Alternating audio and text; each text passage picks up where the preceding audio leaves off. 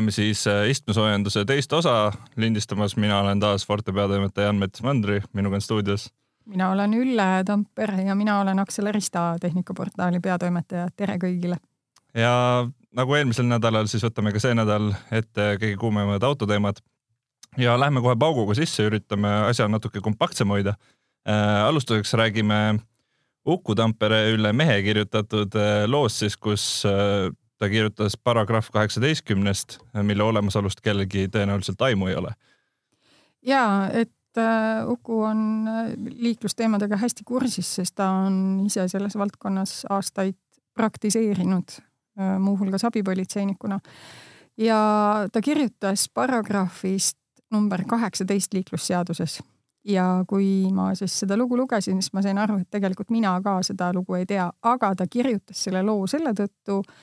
et mina andsin talle inspiratsiooni pidevalt äh, kõrvalistmel võngeldes, kui keegi äh, paremalt poolt ristmikult äh, peateele sööstis.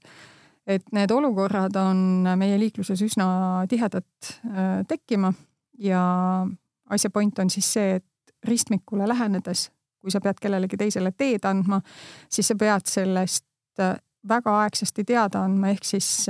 sa pead aeglustama mõistlikult, nii et mööda peateed sõitev juht ei peaks sinu pärast äh, ennast kaineks ehmatama. see kõrvalistu, kõrvalistmel võnklemine on nagu väga hea point selles mõttes, et äh, inimestel ongi väga erinevad arusaamad sellest, mis tegelikult on ohutu liikluses ja mis ei ole ja see ongi nagu tegelikult kogu selle loo tuum, et äh, me peame kõik sõitma niimoodi, et kõik saaks aru, missugused on meie kavatsused liikluses, et äh, kohe, kui keegi tunneb ennast ohustatuna, siis tegelikult see on nagu ma ütleks, et äh, ohumärk või, või see võib kohe tuua kaasa ootamatuid olukordi, et kui üks inimene sõidab, vaatab, et okei okay,, mul külje pealt keegi tuleb, paneb pidurit plokki, siis juba see on nagu väga-väga halb kokteil. No ja see lugu, mida nüüd Delfis, ma saan aru, on ligi sada tuhat inimest äh, lugenud, on, on ka, seal on paar näidet selle kohta, millised olukorrad on meie liikluses hästi tüüpilised. aga ma mäletan, kui ma autoga sõitma õppisin, siis minu sõiduõpetaja ütles, et esimene reegel uksest väljudes, kui sinust saab autojuht kolme sammu pärast, on meeles pidada, et kõik on idioodid ja sina oled kõige suurem idioot. ja kui sa selle mõttega lähed sõitu, siis põhimõtteliselt sa suudad jälgida ka seda niinimetatud ennetavat liiklemisstiili, et sa, sul endal on normaalne ja kaasliiklejatel on ka okei okay liigelda. jah, ma olen ise ka väga selle, selle mõtte poolt, et liikluses tuleb eeldada, et kõik on idioodid ja üldiselt see on ka nagu hästi ära tasunud lähme siis teise teema juurde, selleks on äh, Elmo laadijad, et Ülle, sa tegid väga pika ja põhjaliku loo sellest, et äh, mis ikkagi see lukueksperdi hanke ja selle vaidlusega käib, et see on olnud selline teema, mis on olnud õhus juba päris pikka aega, äkki räägid sellest natuke lähemalt? ja ma tean, et mu kolleegid on ka näppude pihta saanud sellest teemast kõneledes, et seekord ma siis saatsin kümme küsimust, millele ma sain vastuse väga lühidalt neljalõigulisena ja ümarana ja otsustasin, et ma panen selle Elmo loo sisse ka siis oma, oma küsimused, et lugeja saaks ise anda hinnangu, kui palju siis tegelikkuses lugueksperdi juhatuse liige Riho Ever minu küsimuste peale vastas. aga point on siis see, et äh, luguekspert, äh, kes ei võitnud äh, riigihanget Elmo kiirlaadimisvõrgustiku teemal vaidlustas selle ja vaidlustas Elektrilevi võidu, sest nemad pakkusid vist mingi mõnikümmend tuhat eurot rohkem hinda. ja nüüd see vaidlus on jõudnud omadega teisest kohtuastmest läbi käia, ees seisab Riigikohtusse minek, kui seisab, seda me veel täpselt ei tea. aga noh, see peaks nüüd ka mõne aja pärast äh, selguma. ehk siis mina küsisin otse, et kas vaieldakse vaidlemise pärast, et ise ei söö, aga teistele ka ei anna. ja sain vastuse, et ei vaielda sellepärast, et põhimõtteliselt siis, kui vaadata, mida Ever on mujal väljaannetes rääkinud ka, on tegu sellise põhimõttelise küsimusega Eesti riigile, et millised on strateegilise tähtsusega objektid ja millised mitte. et juhtub olema nii, et riik nagu teatud asjades näiks olevat küüned enda poole, näiteks kui Nordicast rääkida ka, et Saaremaa liinile Nordica ka hankis ja siis see hange ka vaidlustati ja noh, see muster justkui Everi sõnul on korduv. aga mis sina arvad, kas Elmo laadimisvõrk on strateegilise tähtsusega meie jaoks? no need numbrid, mis sa tegelikult ka ise seal loos välja tõid, siis äh, ega need numbrid on ju ausalt öeldes päris väikesed, et äh, see, kas paarsada inimest ja kus ja kuidas nad saavad oma asjad aetud, ega tegelikult selle peaks minu arust reguleerima turg ja selleks on tegelikult nagu on, on ka näha, et selles suhtes on asjad liiguvad et äh, on nii, on nii äh, kütusefirmad või tähendab tanklaketid on lubanud, et nad toovad äh, laadijad, onju. et on ka, on ka selliseid isehakanud laadimiskohtasid juba, et, et kui tulevad autod, siis tulevad ka laadijad ja see on nagu mõnes mõttes paratamatus, et kui me vaatame, kuidas sisepõlemismootoriga autode bensiinijaamade ehitamine nagu välja nägi, siis see oli suhteliselt sama valulik protsess. eks see asi võtabki aega ja, ja ausalt öeldes mina ei arva üldse, et äh, riik oma nina sinna toppima peaks, see, mis praegu on juba olemas, on tegelikult võrdlemisi hea minu arust väikese riigi kohta. ma olen sama meelt ja äh, norrakate hiljutine uuring ju näitas seda, et enamus äh, sõite tänaste elektriautodega tehakse linnas, mis tähendab seda, et inimene laeb oma elektriautot kodus või siis keskkiires laadijas kuskil kaubanduskeskuses ja saab täiesti ilma kiirlaadijateta ka hakkama. Ja nüüd äh, Eestis on äh, vähemalt kolm-neli ettevõtet, kes juba omal initsiatiivil äh, siis püüavad neid kaasaegse standardiga kiirlaadijaid, kiirlaadimispunkte juurde tekitada, nii et jah, me edeneme. No täna on muidugi ka see võimalus, et kui sa tahad pikemat sõitu teha, siis on alati võimalik endale rentida auto lihtsalt, mis on sisepõlemismootoriga, et kui sul tõesti, sa tead, et sul on vaja sõita, ma ei tea, Tallinnast Riiga, siis äh, sisuliselt mingi paarikümne euro eest sa saad selleks päevaks või paariks selle auto endale kätte ja pole nagu seda probleemi tegelikult üldse. meenutagem, et aasta tagasi sõitsime me Ukuga Tallinnast Genfi ja tagasi Nissan Leafi neljakümne kilovatise akupakiga äh, elektriautoga ja saime ka edukalt hakkama ja sellel teel läbisime mitmeid riike ja mitmeid äh, laadimispunkte, kus tuli äh, leiutada, et millise nubluga nüüd täpselt seda elektrit saab, nii et kõik on võimalik. elektriauto on elustiili küsimus täna, su, see eeldab sinult väga head aja planeerimist, aga see kõik on võimalik, nii et jah, ma olen sinuga nõus. Elmo tänasel päeval veel ei ole strateegilise tähtsusega. ta muutub strateegilise tähtsusega objektiks tõenäoliselt siis, kui me räägime tuhandetest elektriautodest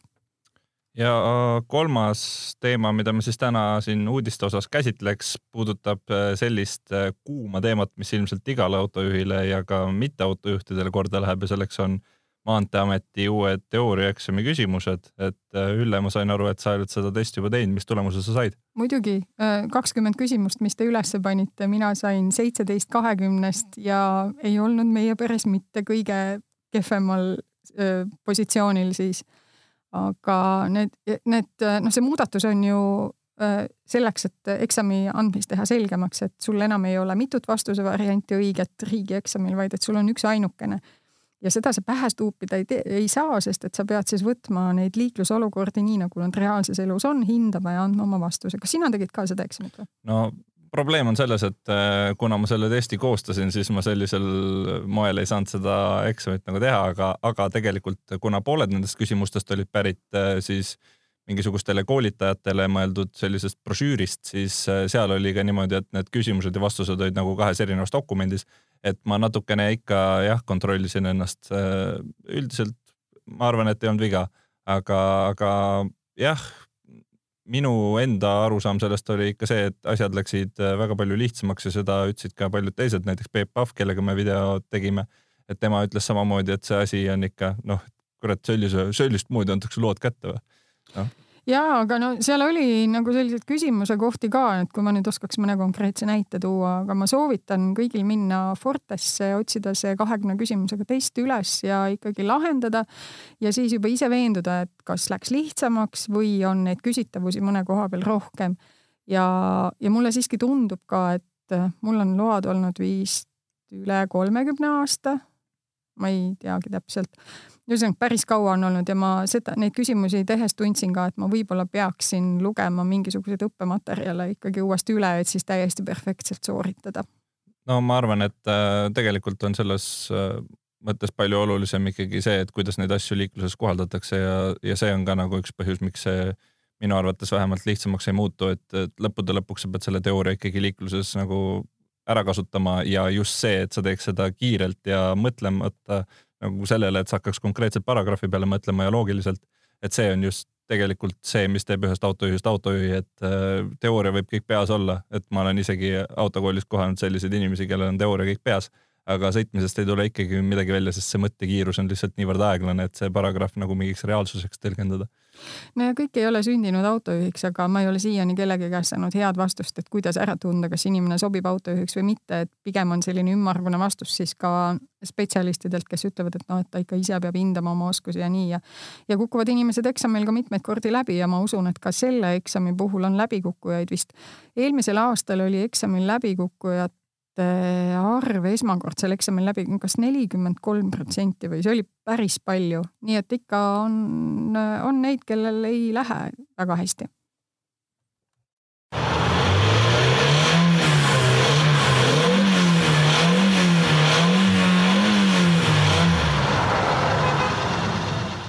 nii, ja lähme siis teise osa juurde ja selleks on meie iganädalane proovisõit ja sellel nädalal oli meie autoks, millega me sõitsime, minul vähemalt oli Peugeot viissada kaheksa GT Line, mis sinul oli? minul oli seesama ju, me ju ikka sõidame ühtede ja samade autodega. kas sa oled kindel, et see oli täpselt seesama? ei, ma ei ole kindel, sest mina sõitsin selle mudeliga mõni aeg tagasi ja see oli päris kindlasti eeltootmismudel, nii et sinu oma oli parem ja ma yes. kohe huviga kuulan, mis sinu muljed olid no ütleme nüüd, et kindlasti on tegemist väga-väga premium autoga ja ta on ka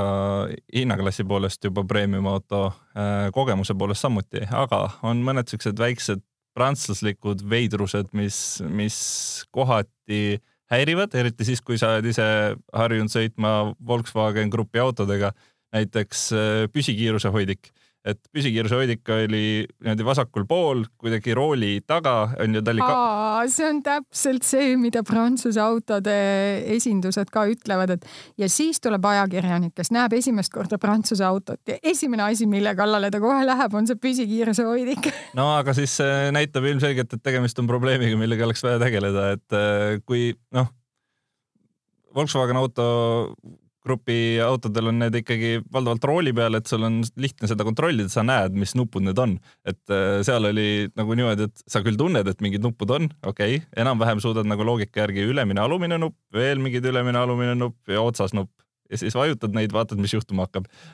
ma soovitan sul Mersu siis võtta järgmiseks, siis seal on sul nii, et on see püsikiirushoidik ja kojamehed ja kõik asjad on nagu ühe kangi all ja palju õnne, siis jäta meelde, kuhu sa mille pead panema, nii. no see, see õppimiskogemus iseenesest, kuna ma olen üpris kiire õppija, see ei olnud nagu valulik, aga lihtsalt äh,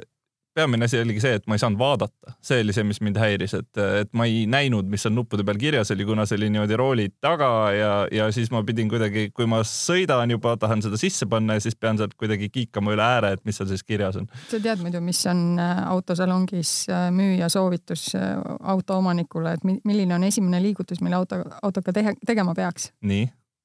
lugema käsiraamatut. oh oleks mul nii palju aega, et kõiki käsiraamatuid lugeda, siis ma oleks üks väga tark inimene. keegi ei loegi käsiraamatuid ja vahest võib-olla see saabki saatuslikuks, aga mu küsimus on, et mis sa selle püsikiiruse hoid-, hoidikuga nagu kogu aeg teed või miks sa seda nägema pead, et sa paned selle kiiruse paika ja siis ta hoiab sul, tal on ju äh, siis kohanduv kiirushoidik ehk mis tähendab, et ta hoiab eelmine ka vahet ja põhimõtteliselt sõidab ise. ja viiesaja kaheksal on minu meelest peal ka ummikuabi, nii et sa ei peagi mitte midagi tegema, et kui satud ummikusse, ta pidurdab maha ja siis, kui eelminejad lähevad liikvele, ta hakkab ka uuesti liikuma no tegelikult tal on ka lisaks veel see, et ta loeb neid liiklusmärke onju ja soovitab sulle põhimõtteliselt kohe, et pane nüüd see kiirus sisse onju, aga mm, no politseinikud nüüd korra katavad kõrvad kinni, et äh, inimesed üldiselt sõidavad ikkagi kümme üle Eestis ja nii sõidan ka mina tegelikult, siis äh, sellega on see probleem, et kui ta paneb sulle automaatselt viiskümmend sisse, siis ma tahaks sinna ikkagi saada kuuskümmend, mis tähendab seda, et ma pean teda näppima. Ja kuna mu üldised trassid, mida mööda ma sõidan, on sellised, et seal on pidev sihuke viiskümmend, seitsekümmend, viiskümmend, seitsekümmend, viiskümmend, seitsekümmend, üheksakümmend, seitsekümmend, viiskümmend, et seda näppimist ikka tuleb omajagu ette, et äh, see oligi see, et kus, kus on need nupud, millega saab seda pluss, pluss viis, pluss kümme üles panna, pluss viis, pluss kümme alla võtta, et ma mäletan, et meie eelmise testisõiduauto Toyota Corolla puhul sa olid liiga pikk, nüüd sa siis oled pime, mis järgmiseks uh,? ma ei tea, liiga paks ja see võib tulla ette küll, kui näiteks minisse prooviks istuda, et minul on see kogemus, et ma olen miniistmesse kinni jäänud ja pidanud endale abi järele tellima. mul oli lihtsalt niisugune, ma ei teagi, klaustrofoobia äkki seal istmes peal või et ma ei saanud sealt välja, mingi niisugune psühholoogiline tõrge tekkis. ilma naljata juhtus nii. aga kuidas sul pikkusega siis oli? pikkusega polnud mingit probleemi äh,, mahtus väga ilusti ära, mahtus ka taha väga ilusti ära pagasiruum oli mõnus, mahukas, selles mõttes oli kõik väga-väga tipp-tops, ilusti kõik. Äh, võib-olla probleem oli veel nende panipaikadega, et need olid kuidagi kummaliselt lahendatud või ma, ma ei. prantslaslikult. jah, need olid elegantsed ja ilusad, aga, aga võib-olla mitte kõige praktilisemad, et, äh,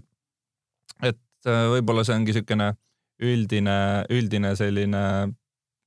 kandev idee sellel autol või? kuidas sul tagaistmel pearuumiga oli, et mõni on kurtnud, et võib-olla lagi on, tuleb natuke ruttu madalale? ma ei ütleks, et see probleem oli, võib-olla oli natuke probleem see, et esiklaas äh, tuli, algas natuke liiga madalalt, et äh, kui näiteks linnas sõita, siis tihti juhtus seda, et äh, kui foori ei pea kohale, siis ei saanud nagu normaalselt vaadata. see oli võib-olla mure. aga istet saab nihutada ju autos jaa, saab, aga mitte siis, kui sa nii pikk oled, siis ongi see, et sul on see üks koht, kus on see nii-öelda kuldne koht ja sealt enam liikuda väga ei, ei soovita. meil hakkavad ilmselt olema podcast'ist podcast'i need Patt ja Patassoni naljad, sest mina olen jätkuvalt palju lühem kui Jan, nii et ma ei kujuta ette, mis tal seal toimub. ma kujutan ette, et mul tuleb ka veel nagu kogu aeg seda, et, et ma ei mahu autosse ära või et ma, et peamiseks küsimuseks autode puhul saabki see, et kuidas ma autosse ära mahun. sa pead veoautoga hakkama sõitma, need on väga ägedad ja ma olen Scaniatega sõitnud uutega, nad on jube nagu tehnoloogiliselt ka jube tasemel, nii et äh, palju selliseid asju, mida sõiduautodelt võib-olla ei leiagi jah, äh, ma räägiks veel nendest Peugeot tarkadest süsteemidest. Äh, seal oli, ma katsetasin niisugust vidinat nagu äh, öövaatlusrežiim või noh, et ta näitab, Peugeot see, see näidikute plokk on hästi selline muudetav, et sa saad ise kruttida seal täpselt, kuidas sa tahad, tahad, kaotad kõik näidikud ära, jääb ainult spidokas, tahad, tuleb elektrooniline sihuke tahomeeter ja spidomeeter ja, ja et sinna sai manada põhimõtteliselt mida iganes, et ta oli lihtsalt üks ekraan äh, ja, ja soovi korral saab öösel sinna siis manada ka sellise öövaatlusrežiimi, kus kaamerad siis näitavad sulle sellist et mis naabrinaisel seljas on? jah, mis naabrinaisel seljas on, kuigi ma ei tea, kas seda sealt nagu näha oleks saanud, et selle asja praktiline pool jäi, jäi mulle natuke jälle arusaamatuks et.... no eks nad arendavad seda süsteemi edasi, aga põhimõtteliselt on need infrapunakaamerad vist jah, mis seal toimetavad, on võimelised näitama ka õhukesest kleidist läbi, et see reageerib kehasoojusele ja siis need laigud on päris selgelt näha. no siis tuleb välja, ma katsetasin seda tõesti valedes tingimustes, et ma proovisin maanteel äh, nagu loomasid sellega otsida, aga, aga, aga tuleb siis järgmine kord sõita kuhugi, ma ei tea. vanalinna. vanalinna rahva sekka ja. kuhugi, kuhugi, kus inimesi on. inimesi peab olema. ja aga noh viiesaja kaheksast rääkides, siis äh, mu esimene mulje sellest autost oli küll selline natukene nagu vau-elamus, et äh, ta on oma noh, oma olemuselt siis sedaan, kupee sedaan ehk siis kupeeliku joonega sedaan ja ta on väga ilus. ta on väga ilus tõesti, et äh, see on ka esimene asi, mida ma ise, ma olen viissada kaheksat päris pikka aega juba näinud ja, ja tegelikult see, just see välimus on see, et äh, see oli ka auto, mille puhul tulid mitmed inimesed ütlema, et vau, et väga hea näeb välja, vähemalt väljast, et ka need, kes sees ei olnud istunud, et. ja absoluutselt ja, et äh, noh, viiesaja kaheksa puhul nad ikkagi taotluslikult äh, lükkasid keda rohkem premiumi poole, aga samal ajal noh, sa küll ütled, et hinna poolest on ta premium, et aga kui sa näiteks võrdled teda ühe põhikonkurendi Volkswagen Passatiga, siis äh, ta on odavam ja ta on baasvarustuses juba tihedamalt igasugu asju täis laotud kui siis mõni konkurent. Nii et äh, praegu võib-olla kõige suurem takistus ongi see, et inimesed ei osta sedaane, sest sedaan ei ole trendiauto. Ja eks me näe, kui nüüd tuleb sellesama viiesaja kaheksa universaalversioon, et kas siis ta võiks äh, reaalselt ka omas segmendis hakata tegusid tegema no ma ütleks, et tegelikult sel autol oli väga hea tasakaal sellise sportlikkuse ja, ja pereauto olemise vahepeal, et äh, ta läks täitsa edasi, seal oli küll mingi väike kiiks, et äh, kui sa gaasi päris põhja vajutasid, siis jäid mingil põhjusel pöörded hästi üles, esinduse mehed ütlesid mulle, et see on tark äh, käigukast, mis, mis ajapikku õpib ja kohaneb sellega, kuidas ja, sa sõidad. ta õpibki sinu järgi sõitma just nimelt mm -hmm. jah. et, et see, see nagu proovisõidul vähemalt natukene häiris, aga võib-olla pikas perspektiivis on see pigem kasulik asi, aga, aga jah, et sinna ilusti pere mahutab ära, ma arvan, et kompsud mahutab ka ära ja samas saab niisugune üpris, üpris mõnusalt sõita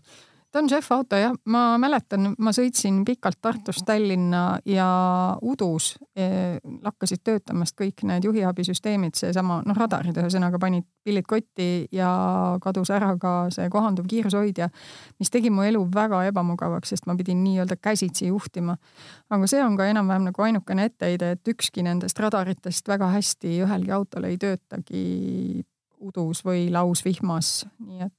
see, see ei ole nagu kuidagi selle auto viga.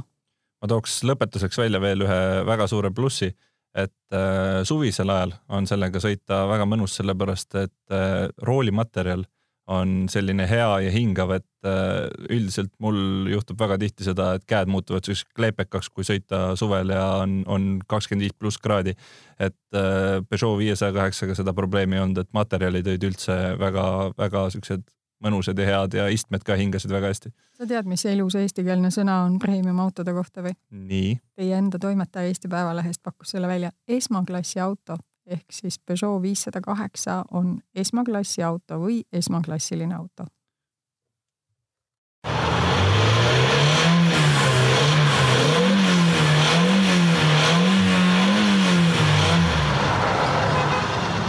ja siis ka meie eluhäkk loomulikult. Äh, eluhäkiks äh, sel nädalal on üldse selline asi, mis tegelikult ei puudutagi niivõrd autojuhte, kuigi kaudselt ka neid, vaid äh, hoopis jalgrattureid. Ülle, millega on tegu? no tegelikult puudutab see autojuhti väga otseselt, kui auto juhtub jalgratturist natukene lähedalt mööduma. ehk siis hakkas sotsiaalmeedias ja mingites väljaannetes levima massiliselt soovitus teha jalgratturitel selline velohäkk ja paigutada oma jalgratta pakiraamile risti nuudel ehk siis vesivõimlemises kasutatav vahtplastist abivahend, niisugune pehme, tead see nuudlikujuline, naised hüppavad sellega basseinis, värviline. kust, kust on neid nuudleid siis kust nad võtavad neid uh,? ma ei tea, spordipoed ja supermarketid, need müüvad, nad maksavad sõltuvalt tootjast uh, kuus kuni kümme eurot Eestis mm. -hmm. ja no siis soovitus, et pange see pakiraamile ja tekitage omale niiviisi sõiduteele ruumi. mina muidugi, nagu ma olen, mõtlesin, et enne kui ma seda tegema hakkan, et küsin Maanteeameti ekspertidelt järele, et Äh, kas võib teha. Ja siis Villu Vane ütles, et olge kenad, et palun ärge tehke, sest et seal on mitmeid ohte. esiteks on see, et kas jalakäija või autojuht võib selle nuudliga pihta saada, et teiseks, kui see jääb kusagile taha või näiteks keegi pahatahtlik autojuht läheb lähedalt mööda, tõmbab äh, käega sellest nuudlist, siis sa kukud kummuli ja jääd auto alla. Ja tema soovitas selle asemel kasutada seda varrega helkurit, mis põhimõtteliselt noh, jah, mina olen niisugune nõukaaja laps, eks ole, et äh, kinnitad pakiraami külge ja siis hingega avad selle helkuri. aga seda ei ole meie kaubandusvõrgus saada paraku, ma otsisin noh, julgelt mingi kuus-seitse poodi läbi ja ei ole. et siis järgmine, mida Vane soovitab, on kanda helkurvesti, et siis oled nähtav ja kindlasti värvilised riided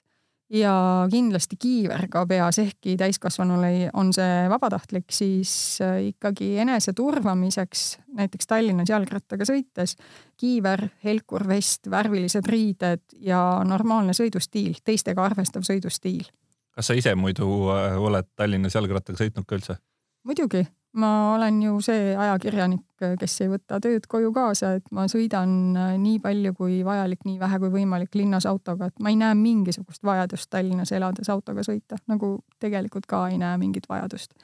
ja sõidangi jalgrattaga, käin jalgsi, sõidan rongiga, kasutan äh, siis äpitakso teenust. igasuguseid variante on, peaasi, et ei peaks maksma röögatuid parklatasusid ja elektriautot mul ei ole no ma ütlen ausalt, et äh, mina väga vähemalt linnas jalgrattaga ei sõida. Äh, iga suvi on mul küll sihuke traditsiooniline jalgrattamatk, aga selle peale ma küll ei tuleks, et sellist äh, nuudlit või tegelikult üldse midagi endale sinna pakiraami või kuhu iganes külge panna, mis. võib-olla sa oled nats väärikas ka selle jaoks, et see kõlab veidi imelikult minu jaoks, et sa paned mingi pehme nuudli sinna ja oled nüüd kõva tegija, et oo, nüüd autojuhid, hoidke minust eemale. ma arvan, et seal puhtfunktsionaalselt ei ole ka nagu väga kasu sellest, sellepärast et ta on ju pehme asi, et, et kui keegi sulle otsa tahab sõita, siis ta sõidab nagunii läbi sellest nuudlist ja, ja mis selle autoga siis juhtub, kui ta selle nuudliga pihta saab, ega, ega temaga ei juhtu ju tegelikult mitte midagi. autoga ei juhtu midagi, ratturiga juhtub. et Tallinnas liiklemiseks on vaja kogemust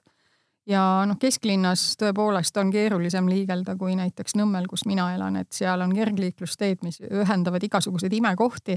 aga ma pean siinkohal nõustuma kogukonna liikmetega, kes ütlevad, et Tallinnal on pikk tee veel minna jalgratturite turvalisuse tõstmiseks just selles osas, mis puudutab teedevõrgustikku, et, et oleks olemas teed, mis reaalselt ka kuskile viivad ja närvid peavad kindlasti raudsed olema, et äh, mul käis äh, hiljuti külas üks sugulane, kes muidu elab Tartus ja ta üldiselt on Tallinna liikluse suhtes selline skeptiline või, või äh, üldistab, et, et tallinlased on kõvad trügijad ja ronivad igale poole vahele ja sõidavad nagu ühed suured tropid, siis, siis see, mis, et ma käisin temaga ka, tegin väikse tiiru linna peal autoga ja siis nägime ühte jalgratturit ja siis tema ütles küll, et